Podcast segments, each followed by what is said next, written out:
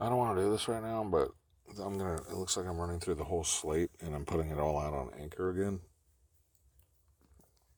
And I'm probably gonna download or no feed it through some AI, and then turn it into like an SRT or a text, and then make a robot read it, and then recycle it all, and then print it into an EPUB or something, and it'll come out in five different ways. One superior writer came, I think, out of the woodwork, which is a phrase like when the intelligence handlers or agents just pop out of nowhere and they tell you some secret that you're asking. She popped out of the woodwork and she was like, Oh, well, you know, typing is writing. Typography, graph, I think she even said, you might want to look up what that word actually means. I'll tell you, it means writing in Greek. Typography, type writing are, you know, whatever, we're writing, I guess, with printed mechanized type, or in the case of smartphone, we represent or give the option for presentation or projection to the witness.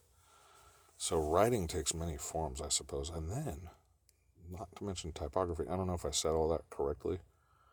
For, I mean, it's like logic, etymology, and all this. And it's like words are almost like redundant, kind of like La Brea tar pits like typography or right.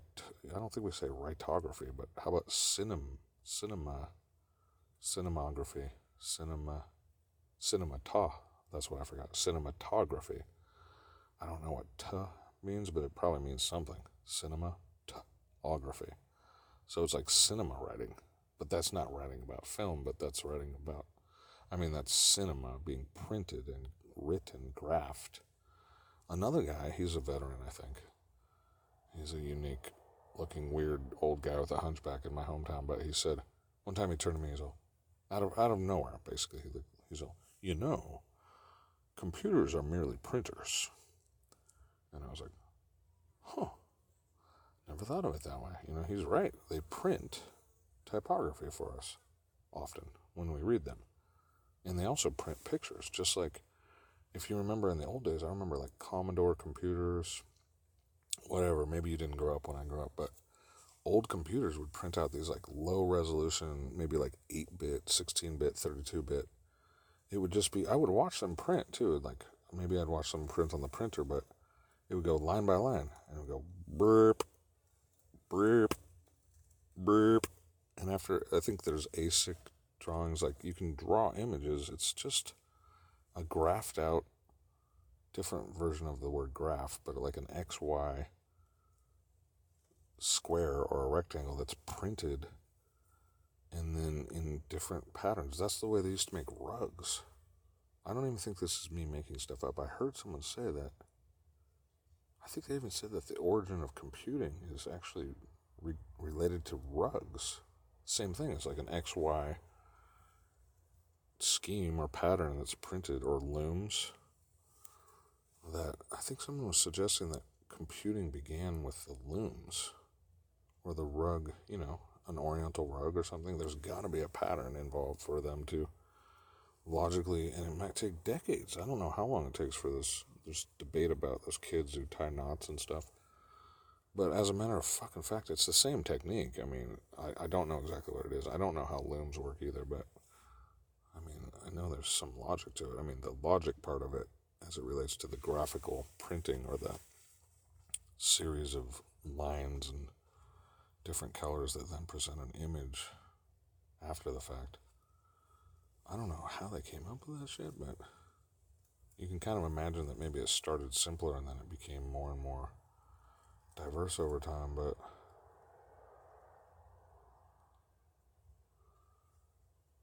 does that mean? Well, oh, that's like who's a writer. Uh, I was going through a phase where I'm like, I don't think typers should call themselves writers. And it was because I was trying to be very, very resolute about what is physical, physically actual. And just like people say, I'm filming, but they're using a video camera. And no, you're videoing. You're not filming. Filming doesn't exist anymore. Not, not when you're using a smartphone. But it's that anachronistic word which is an anachronism. I think that's what they call it. It's an old fashioned, obsolete word that we're using to define or to describe what is actually a modern version of this similar practice, but if you get what I'm saying, and I think you probably do. I mean, you might not. I'm guessing. If you're if you're going to be listening to me, you're probably smart enough to know what the fuck I'm saying, and not to fluff you up, but there was one guy on YouTube, maybe it was a woman. This is the most boring guy on YouTube, and like later I was like, that's actually a high compliment to be the most something on YouTube, even if it's the most boring guy. But I was like, I mean, in my own defense, I thought to myself, the person's obviously overlooking that I'm giving like these extensively long hmm, proclamations and or profession. I'm professing about things that take an incredibly long time to say. But if you know what I'm talking about, then it kind of probably might be more interesting than that person. I, it would be easy for me to assume that person was just dumb. But at the same time, I was like, well, yeah, I'm incredibly boring, so what's the point? Oh, well, this one. That's what people say all the time. What's the point? They don't say that to me, but we've been saying that since we are 10 or 12 years old. But what's the point? And we don't even know what that means. It's just like a, a toddler says, Why? Why? They don't even know probably what they're saying. They just know that their parent is going to respond to that question. Because the sky is blue. But why? Because blue is a, a visible spectrum of light that human beings can see that is somewhere between green and purple. But why, Daddy? Because the sky is above our eyes and I see it and I subjectively retell this to you, who was my child, who came out of my dick. But why, Daddy? Because you haven't had enough ice cream. Eat it! Just kidding. Um, that's that's kind of disturbing, though, that I would even think that. But, I mean, I can't be the first person who ever thought that that's kind of annoying to hear a kid fucking say that over and over and over. Maybe that's the reason I don't want to have kids, is because I don't want to hear a kid say, But why? But why? But why? because I took your mouth off of your mother's breast. Otherwise, you wouldn't be talking at all, you dumb fucking brat. I don't like thinking thoughts like that, but please excuse me. And uh, there was another daughter. I saw this girl in a baby carriage one time, and she had this doll, and she would just keep throwing it out of her cart, and she, it would hit the ground, and she'd watch it. I watched her. I was standing behind her and her dad at like a coffee shop waiting to order, and she would throw the doll on the ground, and she'd look at it, and then she'd go eh or something, and then her dad would pick it up and give it back to her, and then she'd do it again immediately. And it went on and on and on. Her dad did it for like at least six or seven times. And I guess I was a patient father. I kind of thought he was being foolish, but maybe she was just getting to know, you know, physical reality. But I, in fact, that's a that's a fine way to look at it, and maybe that's why he had that patience. Otherwise, he might have just taken it away from her. Because I mean, after all, she's really just exploring three dimensional space. I mean, she doesn't really care about her doll or whatever. But I remember I took that as like a, almost like an allegory or a figurative representation of like a typical daughter who throws away everything her father ever gave her and then she wants him to give it back which is like you know it's like a that's like a three year old girl with daddy issues waiting to grow up to be like a prostitute who never is satiated with any of the boyfriends she has and always wants her daddy to fix everything. Even though i wouldn't have said that or seen that like exactly right there it was like it just I don't know if that girl was going to grow up to be like that, but it was like her throwing that toy away over and over and over, and her dad just giving it back to her. It's almost like the prodigal son.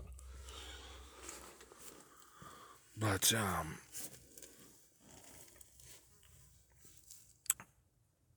what do all these things have in common? Like, who's a writer?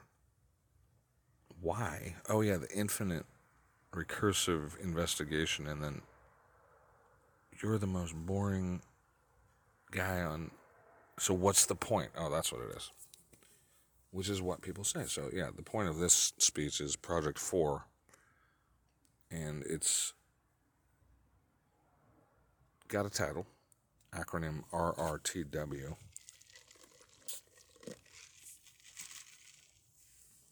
And uh, just the other day, yesterday, I think, I was remembering that there was this um, initial scenery in this plot, like that I came up with. I don't know when. I came up with this years ago.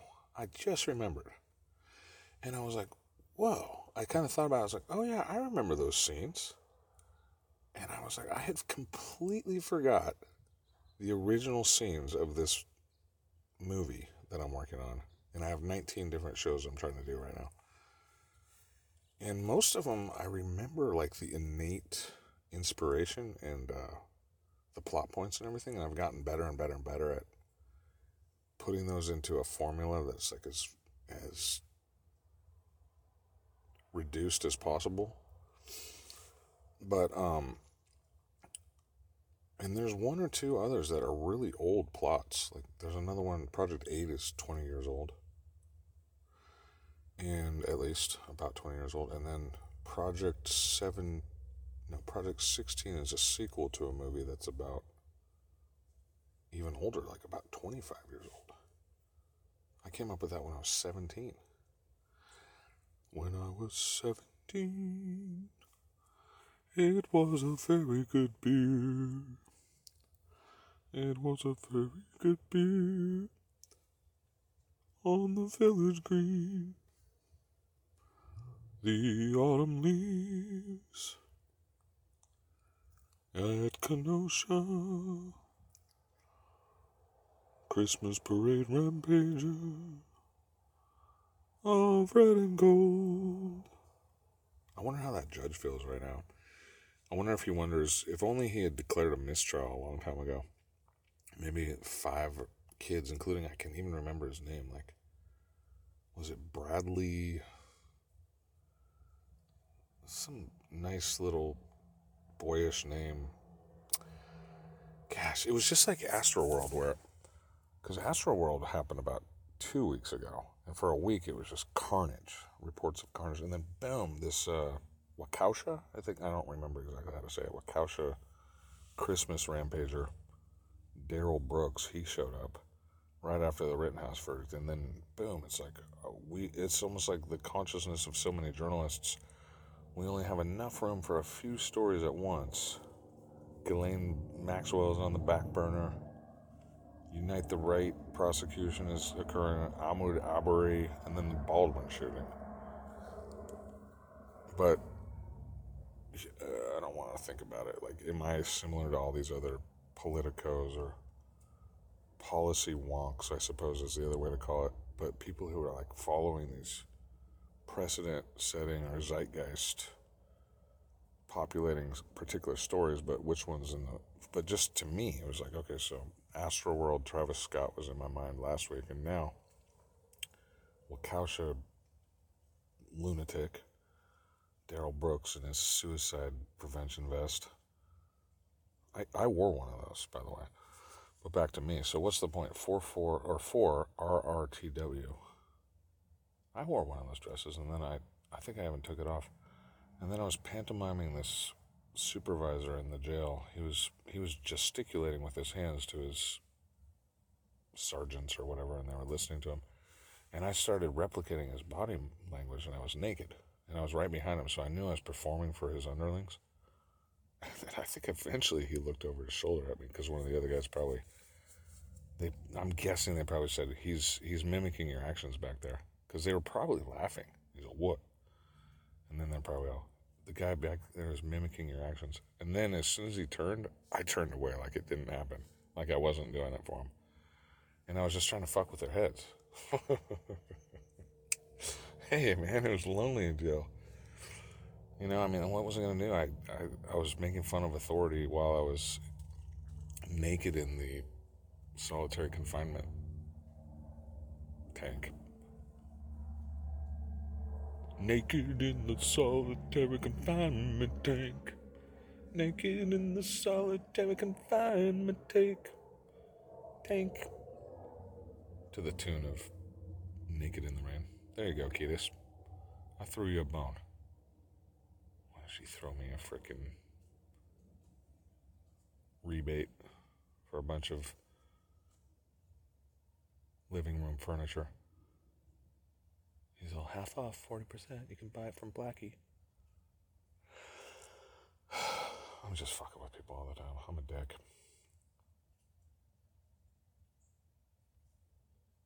I saw Kiedis's biceps today up on the fucking Brainwash Museum. It used to be called the Paley Museum. And I was referring to, I'm using this all as like instruction. Like I saw the Unabomber's typewriter there. I saw Jack London's typewriter there. I think. I saw this spherical orb. It may have been Jack London's. It was really interesting. Underwood. I, I can't imagine that their typewriters back then looked cooler than they did 50 years later. I think I saw a Hemingway typewriter. I'm pretty sure I saw a Kerouac typewriter. But yeah, the one I came to see was Theodore Kaczynski's. Well, no, I think that was one, you know, the one that kind of really stood out to me. Like I read there was going to be a few famous typewriters on display. That was an interesting display. Very interesting. I wonder who curated that and brought that all together. Now that I think about that, that's that's a practically amazing feat. If it was all authentic, but got somebody, and it might have been that woman. I mean, that's fucking incredible. Jeez, I bet I could look that up too. Paley Museum, 90210, typewriter exhibition. If I said that correctly, exhibition. Exhibition. Yeah. Underwood, I think that was a famous typewriter back then. But that Jack London one, I think, because it showed this spherical ball. Well, I mean, that's what a sphere is, but it was full of all the type letters. I'd never seen anything like it. So, imaginably, although I didn't see it in its kinetic action, it would actually spin and then throw throw a letter. I mean, is that even? It was almost like impossible to imagine that was real. How the fuck did that happen? Wow. That's fucking baffling. I'm going to put that on my list. I'll be right back.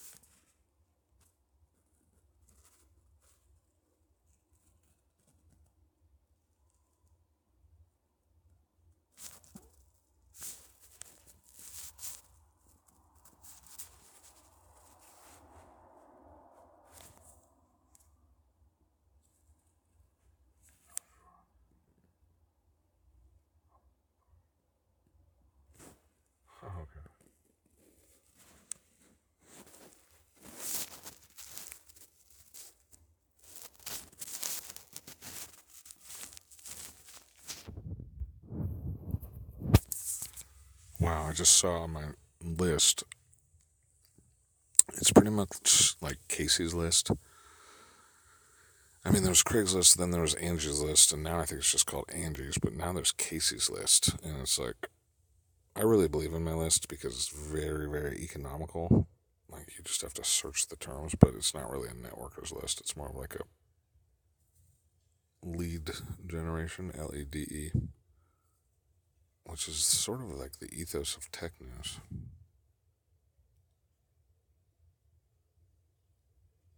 Not the ethos, the strategy. One of the original, uh, one of the original graphics said tech news forces journos to generate leads, to gen leads. L E D E S. Bury the lead under piles and piles of poop that's rotting in a fucking field. Like gold. Oh, I woke up this morning with like this whole theory about how to sell gold or buy gold from this guy. I, I came up with this whole story. I almost hate that when that happens. It's like, I don't want to tell that story. It's kind of interesting, kind of not. Maybe I'll tell it later. So, for our RTW, the point, it's a show, and it's a theme. And then I remembered, so I'm going through my whole slate. So some of these are going to be less relevant than others to me. I already did the first three projects. I remembered the opening scenes. In fact, I think I stole one of those scenes. Oh, I did. I stole it from this fucking art film. But I like took the theme and it was turned it into a comedy. Oh, oh yeah, I can't remember what that movie was. Yeah, I just wow, I can remember watching that film now.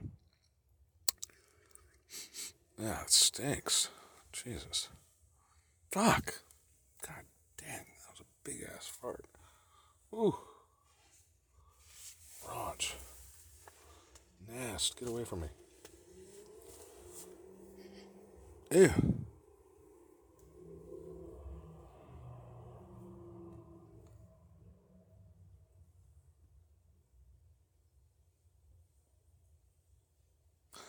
Yeah, so the opening scenes, I just realized I stole from, from some French cinematographer guy or something who's kind of contemporary circa the year 2000, I think. Projected at particular theater where I worked near the 405.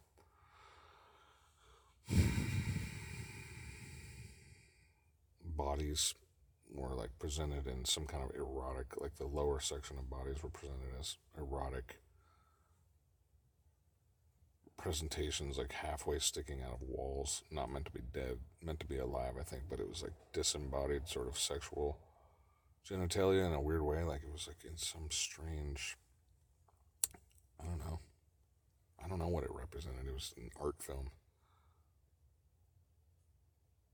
Cremaster Cycle came out back then too. I didn't understand that at all. I have like new theory on that.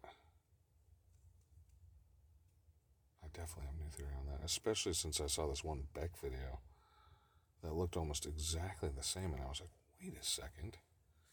He represents wholesalers. That's, I mean, it's just a way to say it, but I guess I could call my old friend and say, how did you get to know that guy? And, you know, where were you? I know, but do you think maybe we could foster that relationship? But I don't like my old friend. And I really don't like that this guy's had a different spelling of his name the whole time, but he like hid that from everybody else. Or he didn't make it explicit. It makes me feel like I got lied to. B E K. Next.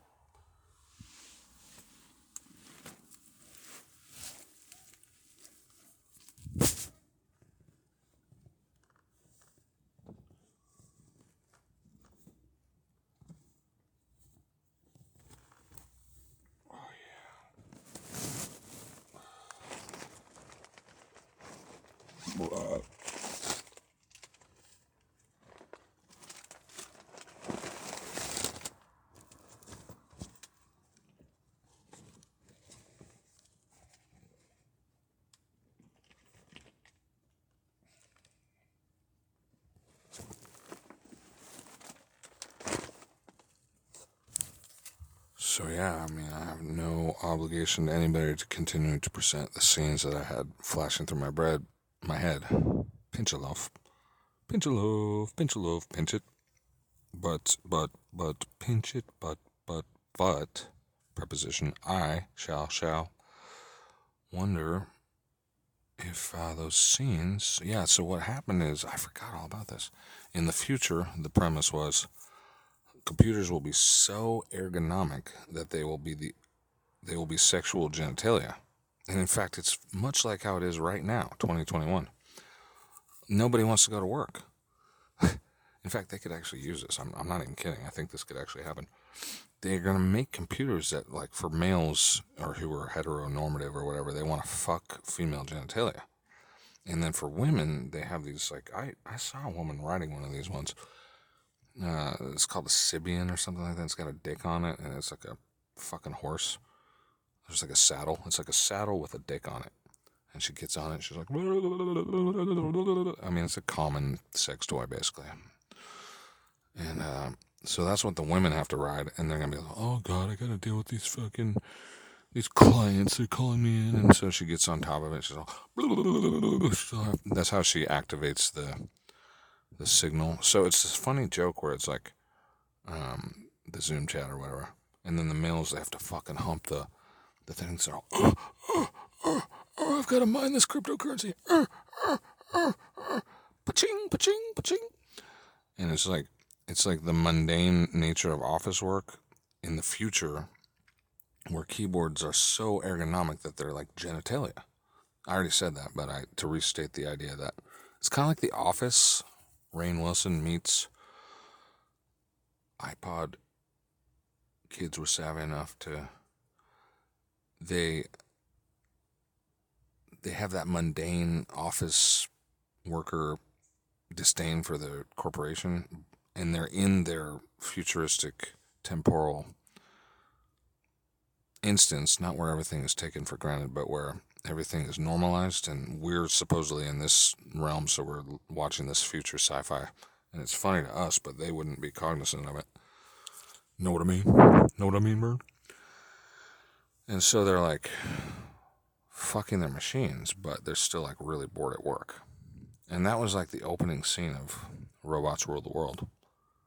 And I forgot all about it. And then I reinvented like a different opening scene actually that was almost like based on like I don't want to say a Coen brother flick, but it was like it involves a crane that creates this much like the ending of Doggy Side, which has a pullback supposedly based on the outro of Chinatown, which I just watched again. It's not exactly the same thing, but and I I call it Deus and Machina, but that's dumb. It's actually just Machina in denouement, where there's a machine and it makes the camera go up and it shows like above. I don't know why I even call it that, but that's the only other fucking cinema or dramatic terminology I know about the uh, conclusion of a flick. Deuce in the machine. Deuce, deuce, deuce, deuce, deuce, deuce. I really wanna, ooh, I really wanna poo right. Deuce, deuce, deuce, deuce. Woke up this morning with a wine glass in my hand. Who am I? Who am I? That's it again. Who am I? Oh, that'd be funny. I could have that hobo in the beginning, just like he could sing that. Yeah, so in the beginning, it's like, I don't know if this was inspired by this time I went to Reno, but I went walking out on this one boulevard, like way, way far out, and I got this strip joint. And I was like, oh, I could work here. And I think I even, I did, I filled out an application. I forgot about that. They probably stole my social security card or number or something. I probably have a fraudulent version of me out there, like mining Dogecoin or something. They're like, oh, this guy. He's like at Nordstrom's, like buying shit right now. He's like, can I use this Dogecoin? Here's my social security number. Um, I'm just about to eat four egg McMuffins. I don't know if I can eat them all, but sausage McMuffin with egg. Big difference. Why don't they just call it Egg McMuffin with sausage?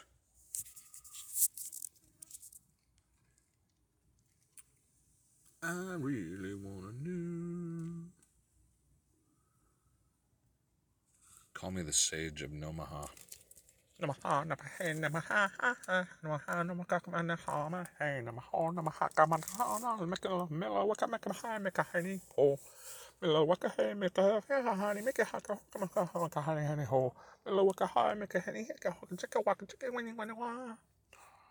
My people are under attack, stand up for them.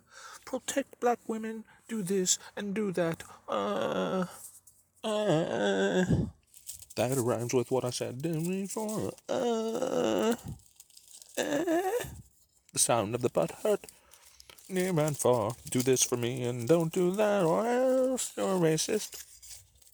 You're a racist, you're a racist, no matter what you do. Protect black women.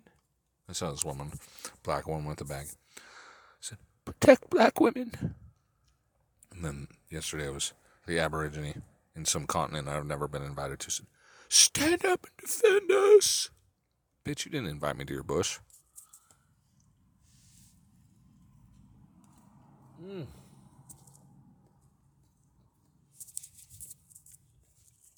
Enough said.